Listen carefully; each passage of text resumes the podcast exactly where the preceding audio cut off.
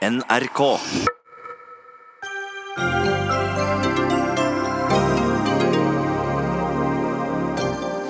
Vil du beklage til kunstnerne bak stykket 'Ways of Seeing', spurte stortingsrepresentant Anette Trettebergstuen statsministeren gjentatte ganger i dagens spørretime, uten at det kom en eneste beklagelse.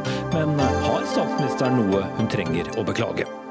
En komiker kan bli Ukrainas neste president etter valget på søndag, mer populær på meningsmålingene enn den sittende presidenten. Hva kan Mattilsynets veterinær si utad om oppdrettsnæringen? Vel, Veterinærforeningen mener den akademiske ytringsfriheten står på spill når Mattilsynet kaller et utspill fra en av de ansatte uheldig etter at eh, Sjømat Norge har klaget.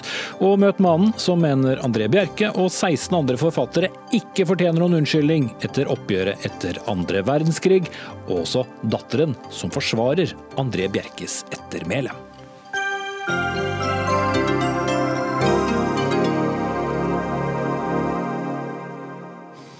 Ja, da sier vi god kveld og velkommen til eh, Dagsnytt 18. Jeg heter eh, Espen Aas. Og vi begynner denne sendingen i, eh, i spørretimen i Stortinget i dag. For etter å ha sett demonstrasjoner i helgen mange steder i Norge til forsvar for teaterstykket 'Ways of Seeing' og statsministerens kritiske uttalelser, så nådde altså denne saken stortingssalen i dag. For der så du, Anette Trettebergstuen, stortingsrepresentant for Arbeiderpartiet og medlem av familie- og kulturkomiteen, og spurte altså Solberg hvorvidt hun var villig til å beklage seg. Men det ble ikke noen beklagelse. Var du overrasket over det? Ja, det var jeg egentlig litt uh, overraska over. Uh, for uh, hennes uttalelser i, den saken her, som har et ganske hva skal jeg si, alvorlig bakteppe, har skapt enormt mye engasjement og, og sinne. og Jeg deltok selv på en demonstrasjon her i byen på lørdag, og det var demonstrasjoner i flere andre byer. Og jeg tenkte som så at når statsministeren så hva de uttalelsene har ført til av reaksjoner, så ville det være en enkel ting å bare rydde dette av veien og si at uh, jeg beklager, det var enten ikke sånn ment. Um, men det vil hun altså ikke gjøre, og da lever debatten videre. Og, jeg forstår veldig godt at uh, folkene bak teatret og, og kunstnere ellers um, reagerer på at statsministeren uh, sa det hun sa når saken sto slik den sto. Men hun har jo kommentert denne flere ganger, denne saken, og valgt å ikke beklage. Altså, helt konkret, hva er det du mener hun bør beklage? Jeg tror vi må se litt på, på situasjonen her uh, først. Det er jo ikke sant at Dette teaterstykket har da i flere måneder vært utsatt for øh, kritikk og jeg vil si hets fra uh, politikere fra, fra, Frp, også medlemmer i regjeringa, som har tatt til orde for politisk sensur, at de skulle miste statsstøtten fordi de er blitt da provosert av dette maktkritiske teaterstykket. Ehm, så kommer alle disse hendelsene knytta til Vara og hans familie og hans bolig. Eh, så blir det masse spekulasjoner rundt hva som er årsaken til det. Um, og teatret blir satt i en, en veldig pressa situasjon. Um, og da hadde jeg forventa at statsministeren klarte å holde hodet kaldt. Men hun ba vel egentlig bare om at ingen skulle spekulere? Nei, det, hun, ja, hun har sagt at ingen skal spekulere, og det er for så vidt greit. Men hun har også i en sammenheng teater, sagt at teatret, um, og sånn sagt teatret og, og, andre trusler. Ergo at uh, så kan det jo da uh, absolutt tolkes som at hun ser på teaterstykket som en slags form for trusler, eller at det har ført til trusler. Eh, og hun har også sagt at teaterstykket er med på å gjøre det tøffere å være politiker. Og Med den konteksten eh, som vi her hadde, så forstår jeg godt at folkene bak det teatret eh, har følt det som, som, som press. Og det er alvorlig, fordi at altså Vi skal selvfølgelig ha debatt, og kritisk debatt om, om kunstens innhold. Jeg vil ha mer debatt om det også. Men statsministeren er ikke en vanlig kommentator. Hun er statsoverhode, og hennes uttalelser får litt mer kraft i seg enn, en uttalelser fra, fra, andre gjør. Og, eh, og, jeg forstår godt at, eh, at de uttalelsene hun har kommet med, at de ses på som utilbørlig press, og at det har gjort situasjonen vanskeligere for folkene bak teatret. Og det mener jeg at hun burde beklage. Og Hvis noen har vært i en annen galakse de siste ukene, så handler det altså om teaterstykket som bl.a. viser frem justisminister Tor Mikkel Waras hus. Og ettertid så fikk jo også denne saken en aldri så liten tvist da Waras samboer altså ble arrestert og anklaget for å ha stått, eller mistenkt siktet til og med, siktet for å ha stått bak påtenningen av familiens bil. Men Kjetil B. Asheim, politisk redaktør i Dagens Næringsliv, har Erna Solberg, landets statsminister, noe hun bør beklage, slik du ser det? Nei, jeg syns ikke hun trenger det. det er, eh, kunstnere har ytringsfrihet, men det betyr jo ikke at de skal være fri for kritikk. Det jeg tror eh, ville vært klokt av henne, var å si, eh, den gangen hun uttalte seg om det, å si noe av det hun sa i dag i Stortinget. Der hun nettopp tok opp det, det presset og de, de truslene som de som står bak den forestillingen, har opplevd. Eh, og også det at hun tok avstand fra i dag de kravene som er kommet fra, fra Fremskrittspartihold om å kutte i statsstøtten til Blackbox. Mm. Så det var en bevegelse? Det var det, fordi eh, det var jo noe av det som manglet da hun eh, kom med de uttalelsene på den pressekonferansen før siktelsen, var at hun satte det inn i, inn i den sammenhengen. og da, da, da utløste de de reaksjonene som kom. Mm. Hvis noen skulle lure på det, vi har selvsagt spurt statsministeren og flere fremtredende personer i regjeringen om de vil delta i Dagsnatten. Det kunne de altså ikke. Men Hege Ulstein, kommentator i Dagsavisen, du mener at statsministeren burde ha beklaget, men skal hun ha mindre ytringsfrihet enn andre? Hun er statsminister i Norge, og det gjør at hun har en rolle som, eh, som fører til at det er naturlig at det er, uh, gjelder litt andre regler for henne enn, enn for, for, eh, alle andre. Det tror jeg er et viktig utgangspunkt her. Og jeg tror, sant, Det er mange lag i denne saken her. Og jeg tror alle som på et menneskelig, personlig plan, og sikkert i hvert fall vi som sitter i dette studiet her, som opplever både hets og trusler og sjikane og det ene med det andre, vet, kjenner, altså vi anerkjenner veldig den forskjellen på å få den type reaksjoner på yrkesutøvelsen din og på det profesjonelle nivået, og det som kommer mot familien din, hjemmet ditt, privatsfæren. Uh, og Det tror jeg var noe av bakgrunnen for det Erna Solberg sa i utgangspunktet. og det uh, På et sånn personlig, menneskelig plan så syns jeg det er veldig lett å, å skjønne uh, at hun har lyst til å si noe om, om den grenseoppgangen. da. Men det er ikke egentlig poenget her. fordi eh, Det hun gjør, og med den konteksten som dere har vært gjennom, hvor dette teatret har blitt kalt moralsk konkurs av landets justisminister, og de har blitt politianmeldt av hans samboer, eh, er under etterforskning for krenking av privatlivets fred. Oslo Frp i Oslo bystyre fremmer forslag om å kutte den kommunale støtten så mener jeg at det er ganske opplagt at hun bør vise særskilt aktsomhet eh, i å omtale den saken mens etterforskningen pågår. Men det var jo før hun, også vi visste om uh, nettopp, samboer. Hun visste ikke om siktelsen mot hans samboer. Uh, det florerte en del rykter. Uh, sånn at Hvis vi gir henne liksom the benefit of the doubt i den settingen der og da, da så syns jeg likevel at hun nå Eh, burde benytte anledningen til å eh, egentlig ta imot en utstrakt hånd og si vet dere hva, det der, det der, burde jeg ikke gjort. Jeg spekulerte for mye. Jeg kunne, kunne latt være å si akkurat det. Og det hun Spesielt... sa i salen i dag mener du ikke var nok? Nei, jeg, jeg syns hun burde vært mye tydeligere. og Spesielt det utsagnet hun hadde hvor hun, hun nevner teatret som en form for altså Sammen med andre trusler, er begrepet hun bruker. Og Det, det syns jeg var kanskje det mest oppsiktsvekkende i, i den uttalelsen hun kom med. Mm, altså. Jeg tror den, eh, Det Hegg Ulstein snakker om her som bakgrunnen for, for, hvorfor hun snakket om dette at det blir tøffere å være politiker, er, det, det, er også en ganske viktig side av den saken. For Den handler jo om uh, hva, hva skal du regne med at du må tåle som politiker. Eh, der har, har jo bl.a. partisekretær Kjersti Stenseng i Arbeiderpartiet vært ute og snakket om, om, den, om, hvordan den terskelen heves nå. At det blir vanskeligere å få folk til å stille opp fordi de må regne med en god del hets og, og, og trøkk gjennom sosiale medier. Eh, og spørsmålet er, eh, og Da skjønner jeg at Erna Solberg reagerer på det at denne teatergruppen, som har et politisk prosjekt, trekker hjemmene til politikere inn i argumentasjonen sin eller i retorikken sin, som det teaterstykket er. Og det, det, er jo, det, er jo, det, er jo, noe politikere, lokalpolitikere opplever, opplever nå, sånn som lederen i Rogaland AUF, Hamza Ali, som får trusler stadig vekk og får beskjed om at vi vet hvor du bor. Eller Ane Mari Braut Nese, som er ordfører i Klepp, som var ute og forsvarte i Rogaland, forsvarte bompenger der. Og opplevde både trusler og at folk kom og, og satte nei til bompenger på klistremerket på huset hennes. Og da hun, da hun sa til NRK at klistremerkene var for så vidt greit nok, men der, det var ubehagelig at noen hadde vært på eiendommen min. Så det tror jeg tror jeg er bakgrunnen for at Erna Solberg reagerte sånn som hun gjorde. og Det er ikke uvesentlig hva slags terskel du får for å engasjere deg i demokratiet. Mm. Men hun kunne snudd. Altså når, I og med det kom inn uh, nye opplysninger um, omtrent etterpå hun hadde kommet med, med uttalelsen, og så lagt uh, saken død, har hun noe å vinne på å stå på sitt?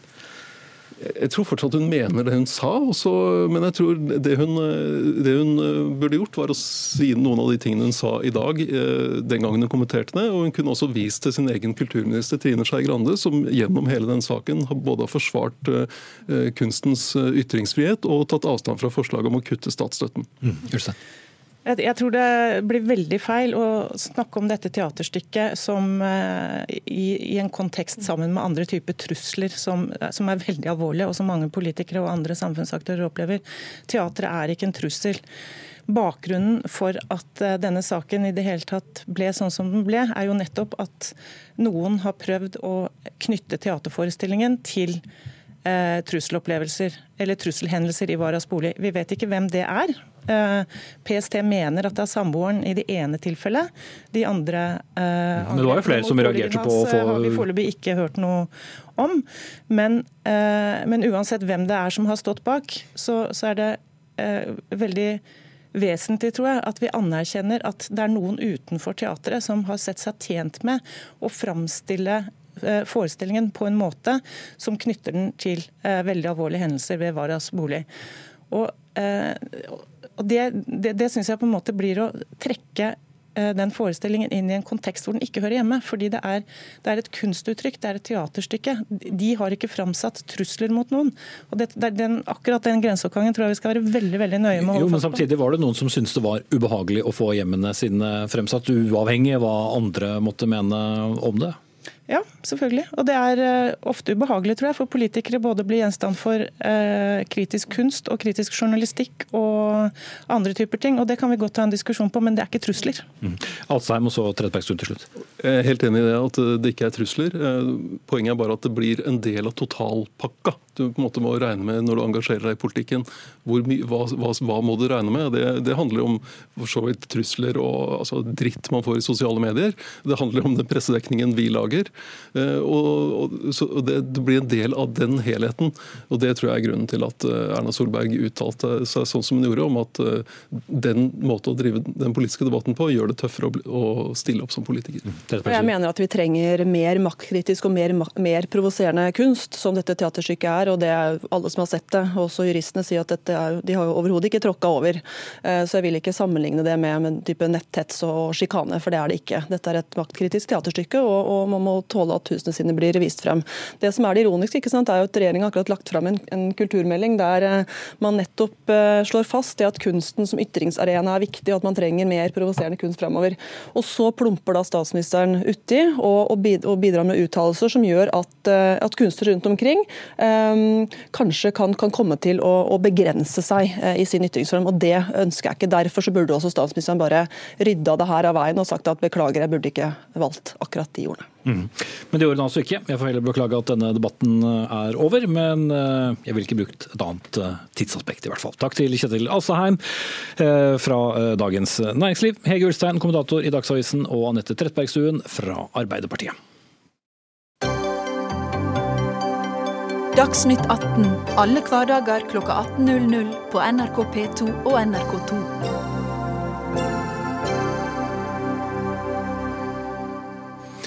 Da skal vi rette vår oppmerksomhet eh, mot et land som vi har vært innom mange ganger i dette programmet, nemlig Ukraina. For eh, der er det nå valg. Søndag går det ukrainske folk til urne for å velge landets neste president. Og Ifølge meningsmålingen i alle fall, så er det komikeren Vladimir Zelenskyj som ligger best an til å vinne. Den sittende presidenten Petro Porosjenko, en av Ukrainas rikeste menn, stiller til gjenvalg, men er upopulær i mange kretser pga brutte valgløfter. Han overtok for øvrig som president etter revolusjonen i 2014, som endte med at Viktor Janukovitsj ble fjernet fra makten. Og Jan Espen Kruse, vår eh, korrespondent i Moskva, dette følger du tett. Hvis vi begynner da med denne komikeren Vladimir Zelenskyj, hvem er det han appellerer mest til? Han appellerer først og fremst til yngre mennesker. Eh, de eh, jeg snakket med da jeg var i Ukraina, de eh, som støtta han, da, de sa at det kan egentlig ikke bli noe særlig verre. Prisene bare stiger og lønninger står på stedet hvil. Det har de gjort i mange år. Sånn at vi er klare til å la en komiker og skuespiller overta makta her, selv om han ikke har et fnugg av politisk erfaring, var det mange sa til meg. En annen som jeg så du også snakket med i en eh, reportasje nylig, er eh, Julia Temosjenko, som jo tapte da mot eh, Porosjenko ved forrige valg. Hun er også en kandidat å regne med denne gangen, men hvor store muligheter har hun? Ja, nå, Hvis vi ser på disse meningsmålingene, da, så får Zelenskyj nå et snitt på ca. 25% oppslutning, mens Porosjenko og Timosjenko de eh, ligger rundt eh, 13 13-14 omtrent. Så de ligger ganske langt bak begge, ti, begge de to. Men eh, Julia Timosjenko hun har et godt partiapparat. Hun appellerer til eldre mennesker, særlig til kvinner, eh, folk eh, utenfor de store byene. Sånn at hun er en, jo den virkelig store veteranen i Ukraina og må regnes med. Og så er det jo vanskelig å snakke om dette valget Jan Espen, uten å komme innom det landet du befinner deg i nå, nemlig Russland. Hvor stor rolle spiller eh, dette store og viktige landet i, eh, i denne valgsammenhengen? Ja, Det er en del uenighet om det. Noen eksperter mener at eh, konflikten mellom Russland og Ukraina ikke er så viktig at veldig mange velgere ser på innenrikspolitiske forhold og sin egen økonomi akkurat, eh, akkurat nå. Andre sier at eh, det er dette med russisk språk i motsetning til ukrainsk språk. Det er jo veldig mange ukrainere som bruker russisk som sitt dagligspråk også, som deres morsmål. sånn at denne konflikten den splitter landet på veldig mange måter i denne valgkampen. Mm. Til slutt, eh, Jan Espen Kruse, hvor går da skillelinjene mellom kandidatene? Altså hvor, hvor er de største forskjellene? Ja, eh, Den største forskjellen er jo med denne Zelenskyj, som er noe helt nytt og spennende, og som ikke er knyttet til noe politikk fra før, og som appellerer til de unge. Og så er det Petro, eh, Petro Porosjenko, han som eh, står fram som en nasjonalist. Han er en militærleder. Han hevder at han har fått til en god del i løpet av de siste fem årene, selv om mange er uenig i det, i hvert fall mener at det ikke har gått kjapt nok. Og han viser også til tilnærmingen til EU, til Vest Vest-Europa som noe han har kjempet eh, for. Og så er det da eh, Timosjenko som eh, appellerer til mange andre, disse ute på landsbygda. Og hun er litt populistisk. Hun lover halvere gassprisene, for gass er veldig mange ukrainere avhengig av til oppvarming osv. Og, så og disse prisene har rammet folk veldig, veldig hardt. Så det blir sannsynligvis en andre valgomgang hvis ikke noen av disse kandidatene Demokratene får mer enn 50% i første runde. Hvis det blir en andre omgang, så er det de to som leder fra første runde som skal kjempe eh, om igjen. Så det kan bli et langvarig drama, men det er jo fryktelig spennende å se om disse ungdommene som sier de støtter Zelenskyj, om de faktisk går og stemmer, eller om de bare svarer at de vil det på meningsmålingene. Her i studio jeg med deg Olga Sjamsjur Flydal. Du er seniorrådgiver i Norske Helsingfors-komité, er selv fra Ukraina og kom til Norge i 2003. Men du skal reise til eh, Ukraina for å være valgobservatør sammen med to kolleger i Helsingfors-komiteen under valget på søndag. Hvor viktig er det å ha valgobservatør under dette valget? Eh, generelt så er det veldig viktig med eh, uavhengige internasjonale valgobservatører. For de bidrar med å gi valget ekstra legitimitet. Samtidig så kan de vurdere eh, integriteten av valgprosessen. Det er særlig viktig i land som er postkonfliktland, eller land som gjennomgår demokratisk utvikling. Og Ukraina har hatt en litt uheldig historie med det er valgfusk, eh, særlig kjøp av stemmer eller bruk av de administrative ressursene. Eh, og i 2004 førte det til revolusjon. Eh, og selv om valget i 2014 har vært sett eh, på som både fri og rettferdig, er det fryktelig spennende å se hva det blir nå denne gang. Mm. Og rent konkret, hva blir din oppgave på søndag? Som valgobservatører vi er akkreditert til å gå eh, inn i hvilken som helst valglokale, se på arbeidet til valgkommisjonen, snakke med velgere, Eh, se på eh, valglistene. Eh, så kan vi se om vi observerer noen uregelmessigheter, som vi da lager en rapport. Og så er vi forpliktet til å være under opptellingen og se om det har gått riktig for seg. Og som, Ut fra hvordan du kjenner landet, det har jo vært ganske spennende politisk, i hvert fall noen år tilbake. Hvordan vil du si at forholdene er der rent politisk akkurat nå? Jeg vil si at det er ganske betent. Eh, til vanlig så er det ganske spennende å følge ukrainsk politikk, selv uten komikere. Eh, og eh, i forkant av valgene så er det ofte et slags oppgjør mellom kandidatene, og det kommer av slags mulig grums i form av skandaler og anklager. Så det har vært heftig de siste månedene. Eh, Jan Espen Kruse var jo inne på at bl.a. forholdet til Russland er et skillelinje som eh, er åpenbart eh, forut for valget. Men hvor tenker du de brede skillelinjene i folket går, med tanke på de kandidatene de skal velge? Jeg tenker jeg er litt enig med Jan Espen. Det går jo på de proeuropeiske eller prorussiske. Den sittende regjeringen og sittende presidenten er jo klart et proeuropeisk, proatlantisk kurs. Eh, og det har mange av de kandidatene også. Eh, samtidig så en del prorussiske kandidater foreslår da forbedring av forholdet til Russland, og eh, at man ender da den konflikten på noen uvisse betingelser. Det finnes også noen få som foreslår den tredje veien, uten å gå nærmere på hva det faktisk betyr. Så det er til i dag de to retningene som preger politikken. Mm. Det kan altså bli en uh, ny valgomgang dersom de ikke kommer til en en felles kandidat i første runde. Da må vi altså vente til 21. april. Men takk skal du ha, Olga Shamshur Flydal, seniorrådgiver i Den norske Helsingforskomité, og som altså skal være valgobservatør.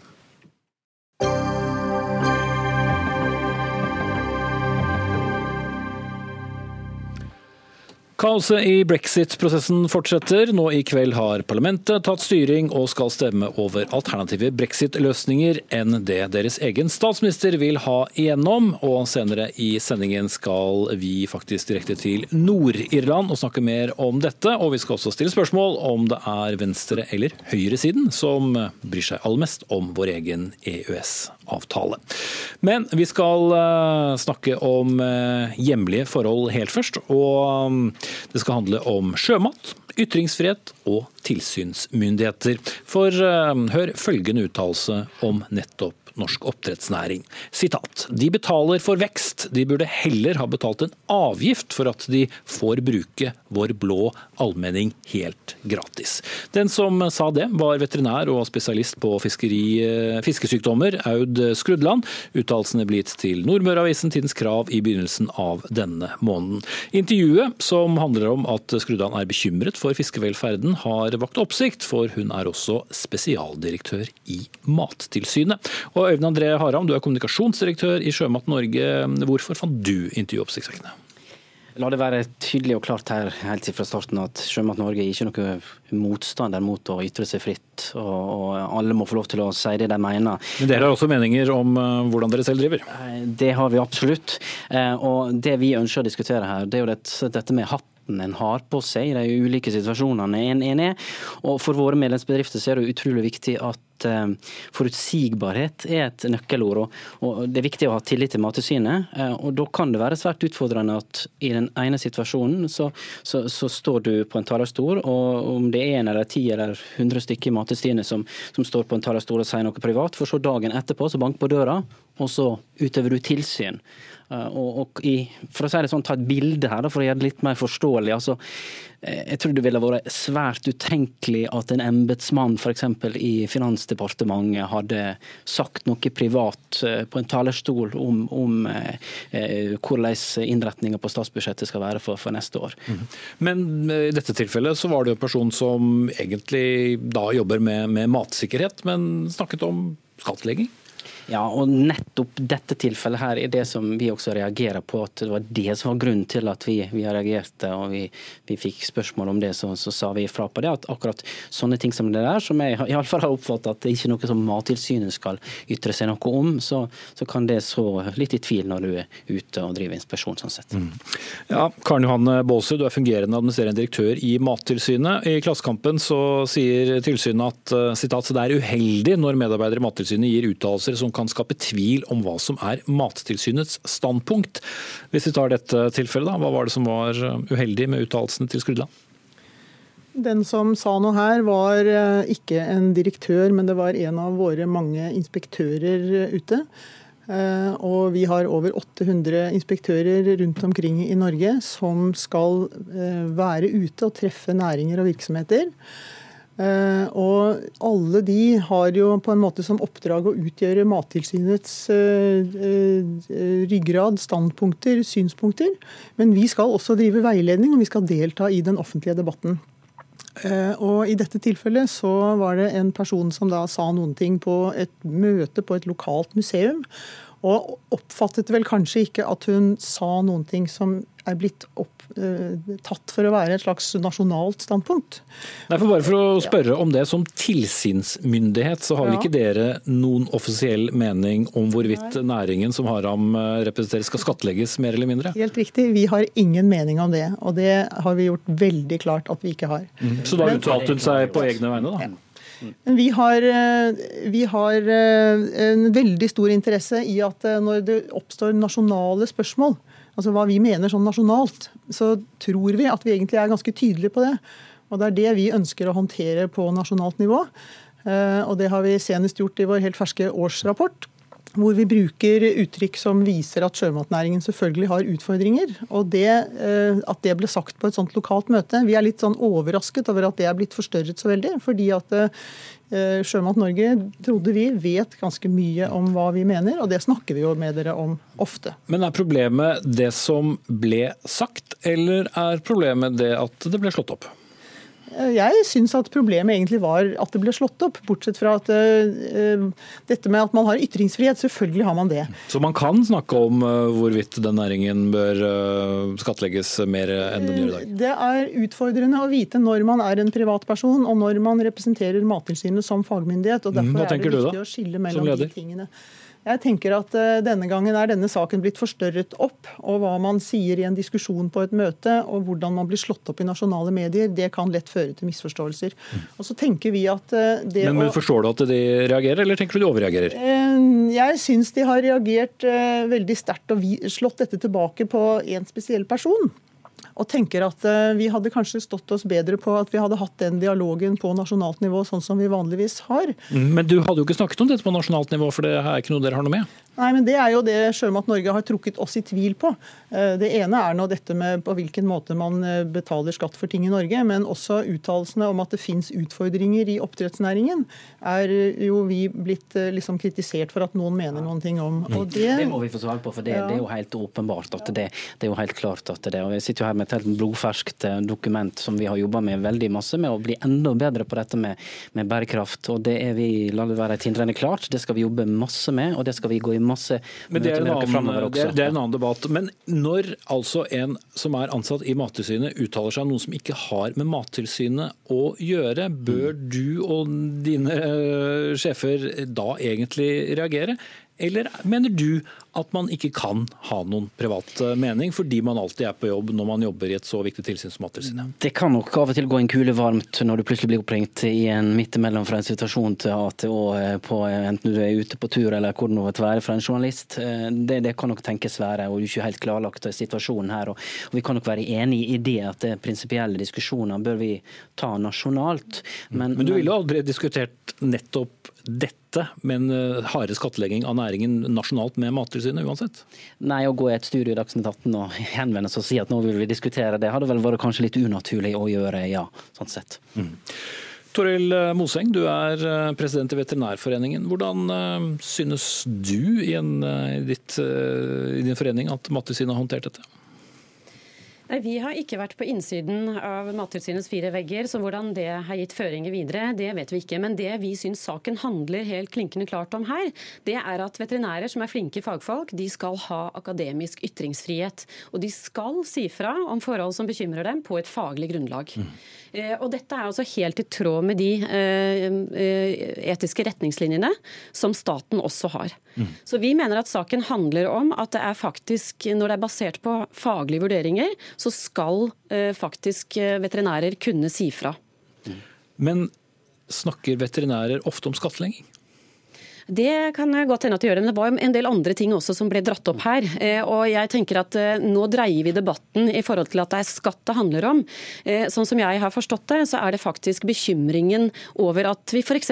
har utfordringer i sjømatnæringen som vi trenger å ha løsninger på. Og Da syns jeg at sjømatnæringen istedenfor å høvle ned fagfolk, så bør de heller omfavne de, fordi at mine veterinærer ønsker å være en del av løsningen til f.eks. løse problemet med om at, at, man har 46 millioner individer som dør hvert år.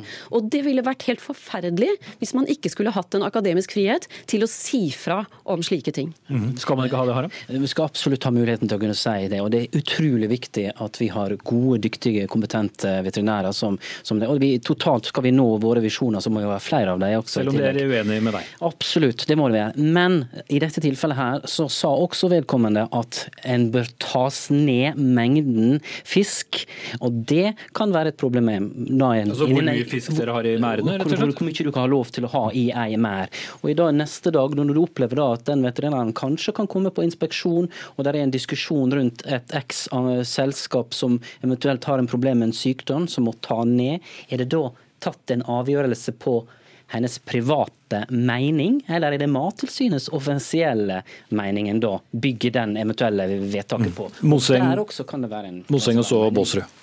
Ja, Jeg skjønner at du prøver å, å tenke på at det er en rolleblanding, er det det jeg skal si?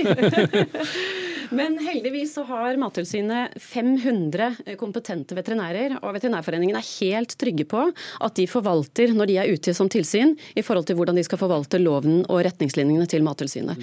Og her, dette er ikke første gangen at vedkommende har vært ute og Nei, det kan sikkert forekomme feil, men vi er trygge på at de gjør en oppgave som er i, i tråd med retningslinjene i forvaltningen. Mm, Nei, Det kan nok tenkes at det i enkeltsaker er for mye fisk en plass. og Det er jo blant de tingene vi faktisk har myndighet til i noen tilfeller å gjøre noe med, hvis det har sykdomskonsekvenser. Og som det er greit at man har mening om. Ja, og det er jobben vår.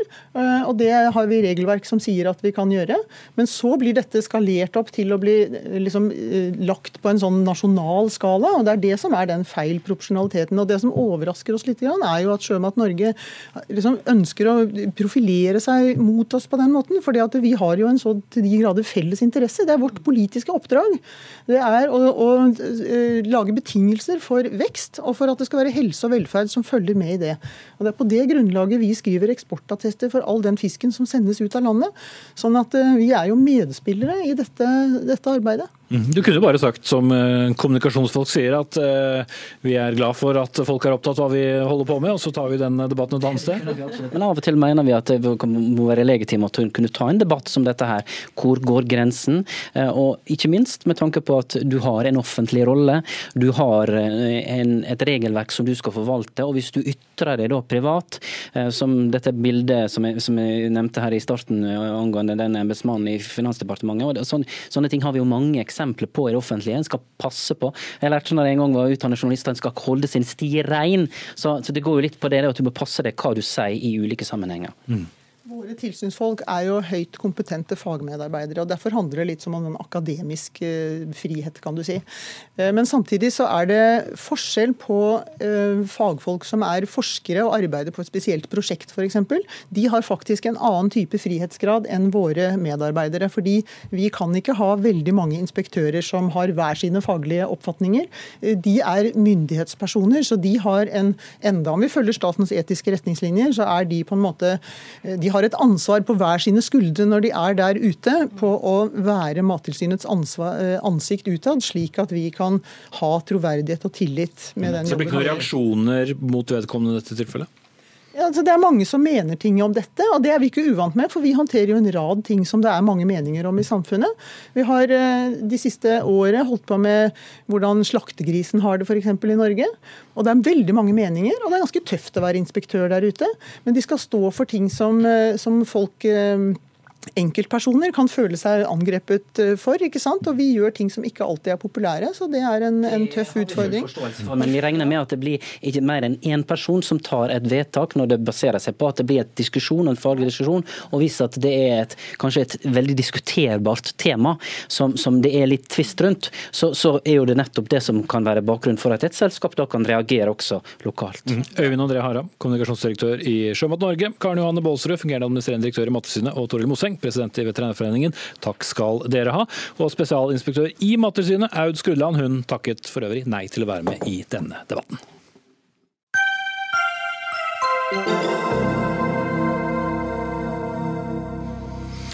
Så skal vi til eh, striden rundt unnskyldningen til de 17 forfatterne som etter krigen ble dømt av det som heter æresretten. Som kjent så meldte forfatter Kjartan Fløgstad seg ut av Forfatterforeningen sist søndag i protest, rett og slett fordi han var dypt uenig i at de 17 skulle ha noen unnskyldning.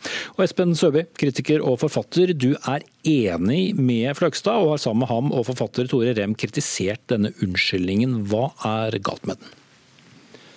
For det første så er det jo Det som er galt, er at uh, folk har oppfattet at dette har vært en rettssak, og at de da legger rettsstatsprinsipper til grunn for det. Men dette er jo enhver, enhver forening har jo rett til å ekskludere og refse medlemmer som bryter med foreningens uh, formålsparagraf. Og det var det de gjorde.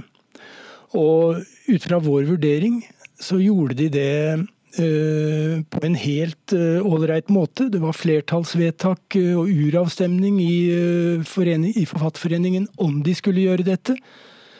Og det var også flertallsvedtak rundt alle beslutningene. De som ble refset, de fikk komme til motmelde og, og prosedere sin sak. Og de hadde også en mulighet til å anke.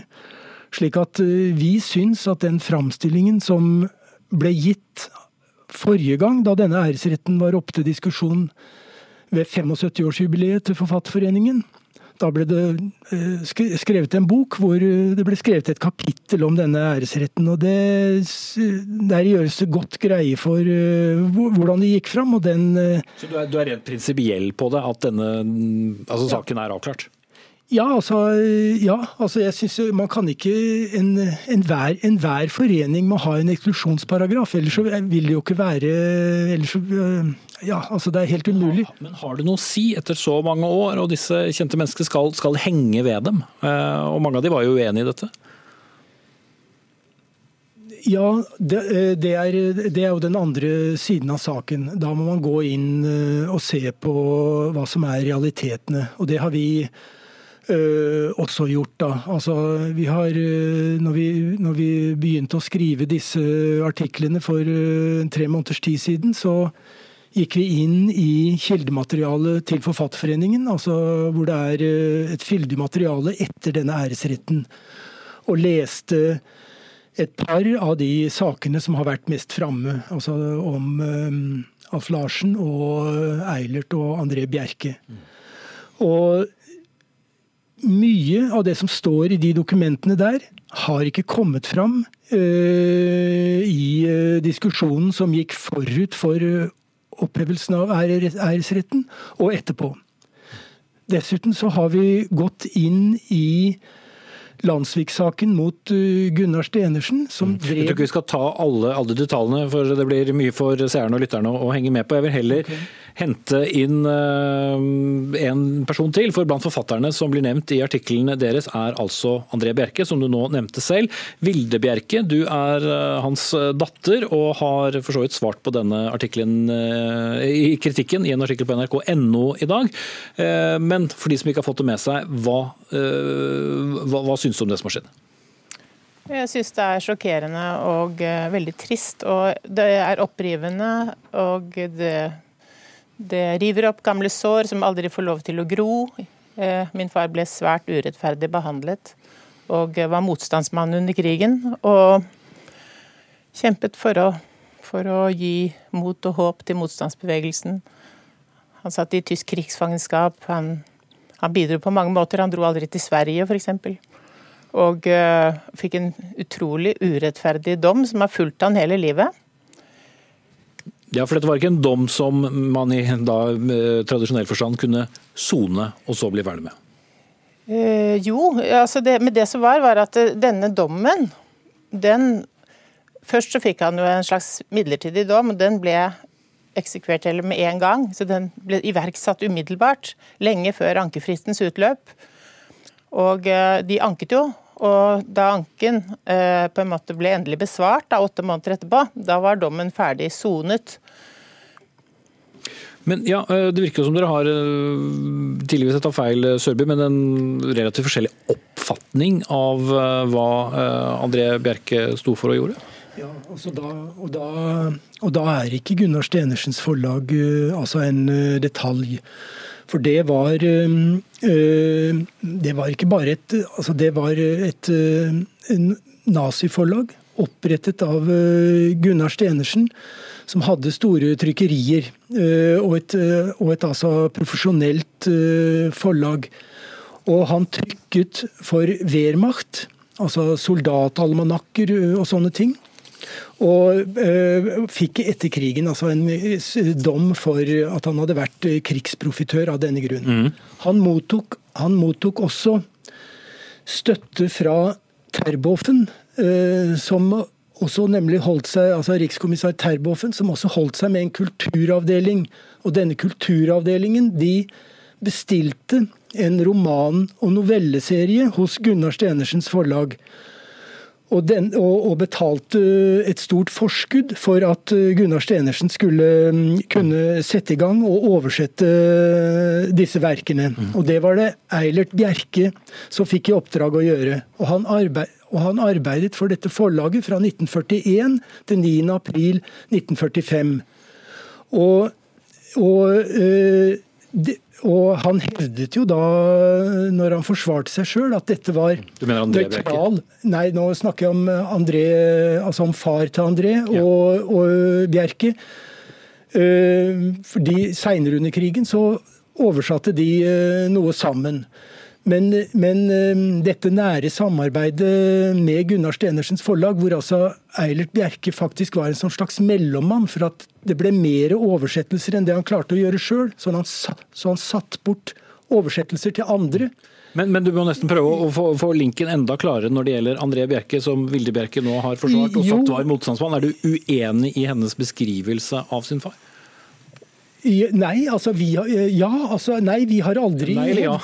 Nei, eh, ja, jeg er enig i det. Altså vi har aldri Ingen som har hevdet at han var eh, nazist og at han var landssviker eh, og NS-sympatisør. Ingen som har hevdet det. Men han skal likevel ikke ha noen unnskyldning? Nei, men, han, men det var handlinger de ble, de ble refset for.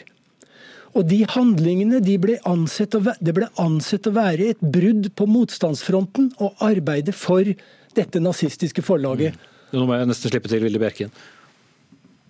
Ja. Eh, ja, eh, For det første så ble André Bjerke frikjent. Eh, han anket og ble frikjent fordi han hadde hatt en utmerket holdning under krigen. Han hadde bare befatning på én bok på Stenersen forlag, og det var en bok som hans far jobbet med for Stenersen forlag. Så han ga faren en håndsrekning, og det, han hadde selv bare indirekte kontakt med Stenersen forlag. Men til tross for dette så fikk, så fikk han altså en vanvittig hard dom. Eh, F.eks.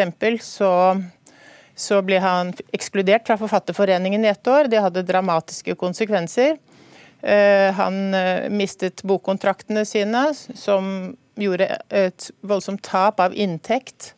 I tillegg så fikk de ikke uttale seg i pressen, de fikk munnkurv. og Eilert Bjerke ble ekskludert i tre år. Og det, hadde, det var en skam som fulgte med dette her. Mm. Men nå har jo da Forfatterforeningen kommet med en unnskyldning, selv om noen da altså er uenig i den. Hva slags betydning har den? For, eh, for, oss er det en enormt stor betydning, fordi at eh, min far ble alkoholiker pga. Eh, denne dommen, som de faktisk ikke hadde rett til å, å utføre engang.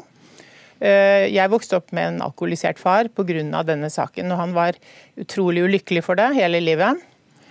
Og han ble frikjent, men det ble ikke nevnt noe sted at han var frikjent. Mm. Ja, Hvis du klarer å være kort til slutt, Søby. Det er jo åpenbart veldig sterke følelser da, når, når Fløgstad velger å forlate foreningen etter mange, mange tiår. Hvor, hvorfor setter det i gang så mange mye følelser? Jo, det er fordi eh, at eh, fakta i saken ikke er blitt lagt fram. Altså, må jo også nevne at Uh, han som uh, behandlet saken mot uh, altså um, André og Eilert Bjerke, det var Alex Brinkmann. Og han var en familievenn av Eilert Bjerke. Og han skriver i et av brevene at fordi jeg er en venn, så har jeg nå fått ordnet det sånn at dere slipper eksklusjon. Og sak, og er, fordi jeg har vært deres venn, så har jeg fått denne inn i et mildere leie enn den ellers ville ha vært. Sånn at de ble faktisk mildere behandlet enn en del av de andre. Mm. Ja, jeg må, må, stoppe dere der, for tiden har løpt litt fra oss. Men takk skal du ha for din forklaring. Espen Søby, kritiker og forfatter, og Vilde Bjerke, datter av André Bjerke. Leder i Forfatterforeningen hadde ikke mulighet til å stille hos oss i kveld. Fløgstad hadde heller ikke mulighet, men han kan du se i programmet Torp på NRK2 klokken 19.45. Hør Dagsnytt 18 når du vil. Radio NRK Radio.nrk.no.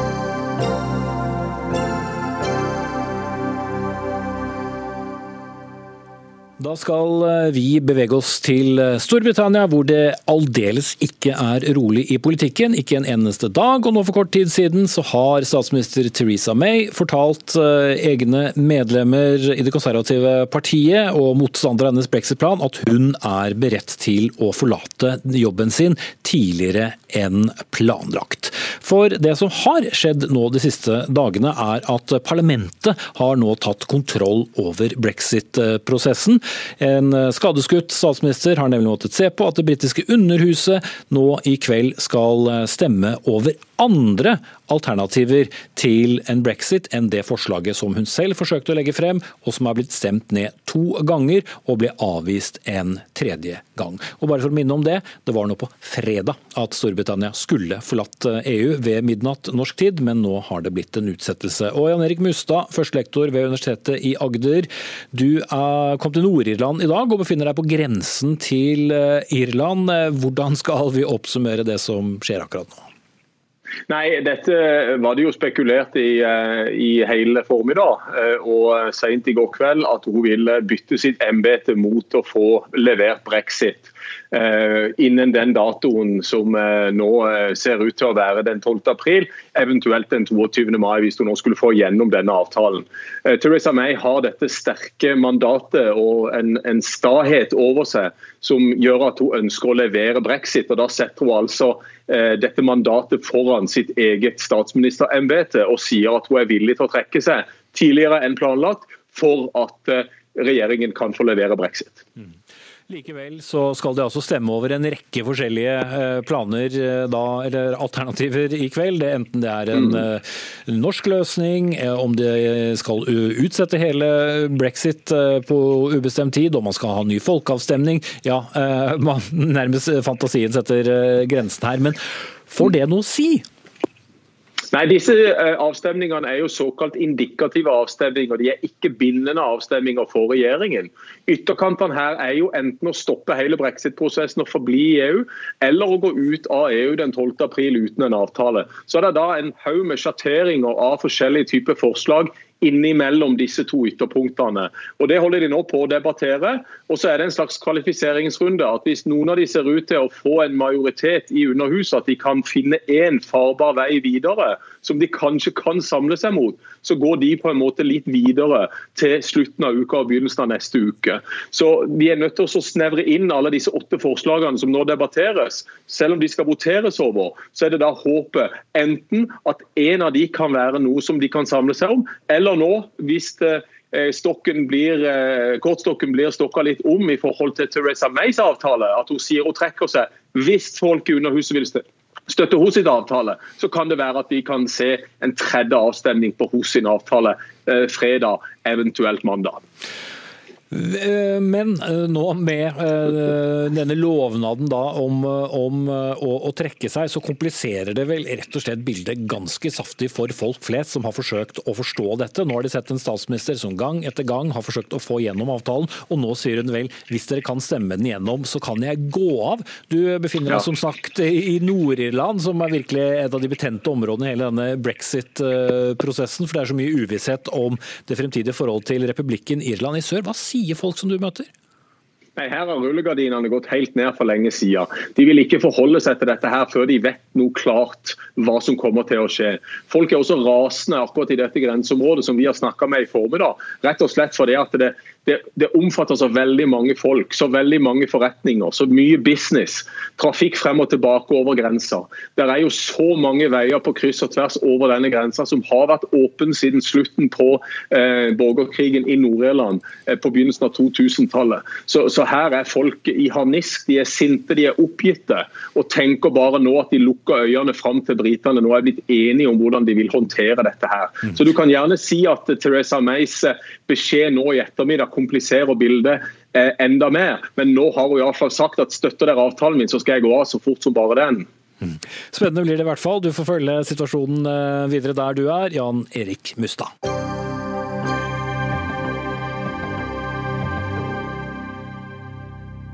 Ja, og Vi skal i hvert fall eh, beholde, eller forholde oss til noenlunde samme saksunivers. For som jeg nevnte, så er en av tingene som de britiske parlamentarikerne skal forholde seg til i kveld, er nemlig en eh, avtale som kan ligne på den norske EØS-avtalen. Men hvorfor er det kun venstresiden som stiller opp for EØS-avtalen? Ja, Det er det ikke jeg som lurer på, men spørsmålet stilles av lederen i den sentrum-venstre-orienterte tankesmien Agenda, Trygve Svensson. For i en kronikk i Aftenposten så kritiserer du Høyre-statsråder for ikke å jobbe konkret med å møte mange av de sakene som har ført til en økende motstand mot EØS, bl.a. i deler av fagbevegelsen. Men eh, med fare for å fremstå som pirkete, det er vel først og fremst på venstresiden vi ser en økende skepsis mot EØS? Vel, altså hvis jeg, eh, Det er litt mer nyansert. da. For så Den kom etter alle solemerker eh, neste lederen i Fremskrittspartiet, Sue Listhaug, har jo òg sagt at hun mener EØS-avtalen bør reforhandles. Mm. Men hvis, jeg får lov å bare si én setning om det store bildet, så er det, jeg tenker jeg det er sånn at Norge, lite land, åpen økonomi, har nytt veldig godt av EØS-avtalen. Det er kjent stoff. 70-80% av det vi handler, går med EU-landene. Eh, men hvis du skal kunne ha oppslutning om internasjonalt samarbeid og internasjonalt handel i et land som Norge, så er det utrolig viktig at alle eh, er med og deler på gevinsten av det. Det vil si at du må ha et ålreit arbeidsliv, ikke bare for de fleste av oss, men for alle. Du må eh, ha en fordeling av gevinstene fra handel som gjør at ulikheten går ned, ikke sånn som nå, som vi dessverre ser i Norge, at ulikheten går opp. Men Prinsippet er mange enig i, men hva er det da du etterlyser, særlig fra regjeringspartiet Høyre? Det, altså, når f.eks. En av grunnene til at det har blitt en stor debatt, det handlet jo om at eh, Fellesforbundet, eh, avdeling 5, en ganske stor og viktig avdeling i Fellesforbundet mm, Som uh, hvor, hvor industriansatte og folk fra eksportnæringen da er organisert? Nettopp. Folk som har stått opp for EØS-avtalen i veldig mange år. De, For noen måneder siden så gikk de ut og sa nei, nå syns vi det skjer såpass store endringer i det norske arbeidslivet at nå er vi skeptiske til avtalen. Det er, veldig, altså, det er på en måte en veldig konkret tilbakemelding. Da er du nødt til å møte det med konkret politikk. Mm, og det, det, gjør ikke Høyre? Nei, altså, for det vi ser da, Hva som har skjedd de siste årene i Norge. De som har gjort noe ekte konkret på arbeidsliv, det er jo tvert imot stort sett rød-grønne politikere i kommuner og fylker. I, her i byen vi sitter i nå, Oslo, så har Raymond Hansen innført Oslo-modellen. Ganske sånn progressiv eh, modell. Det begynte i Skien i Telemark med veldig gode resultater. Og Det er jo det som er så fantastisk, at politikk faktisk virker. Du ser nå eh, økende i, i de stedene der de har innført den modellen, så øker tilstrømningen til byggfag. De har lærlinger, de leverer bygg eh, billig og med bra kvalitet. Så med andre ord, det går an å ha et bra arbeidsliv i Norge innenfor rammen av EØS, men nå må du ha politikere som er villige til å gjøre noe med det. Og da skal du få ordet, Vetle Wang Solheim, stortingsrepresentant for eh, Høyre. Stiller dere ikke opp for EØS-avtalen?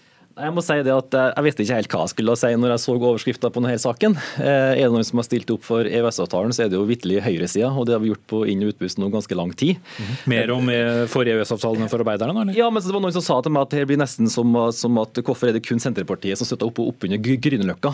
Det er liksom like inkonsekvent. Vi har jo stått for i, i bresjen for for å faktisk forsvare distriktsarbeidsplasser ute i fylka. Forsvare EØS-avtalen imot venstresida sine angrep på den.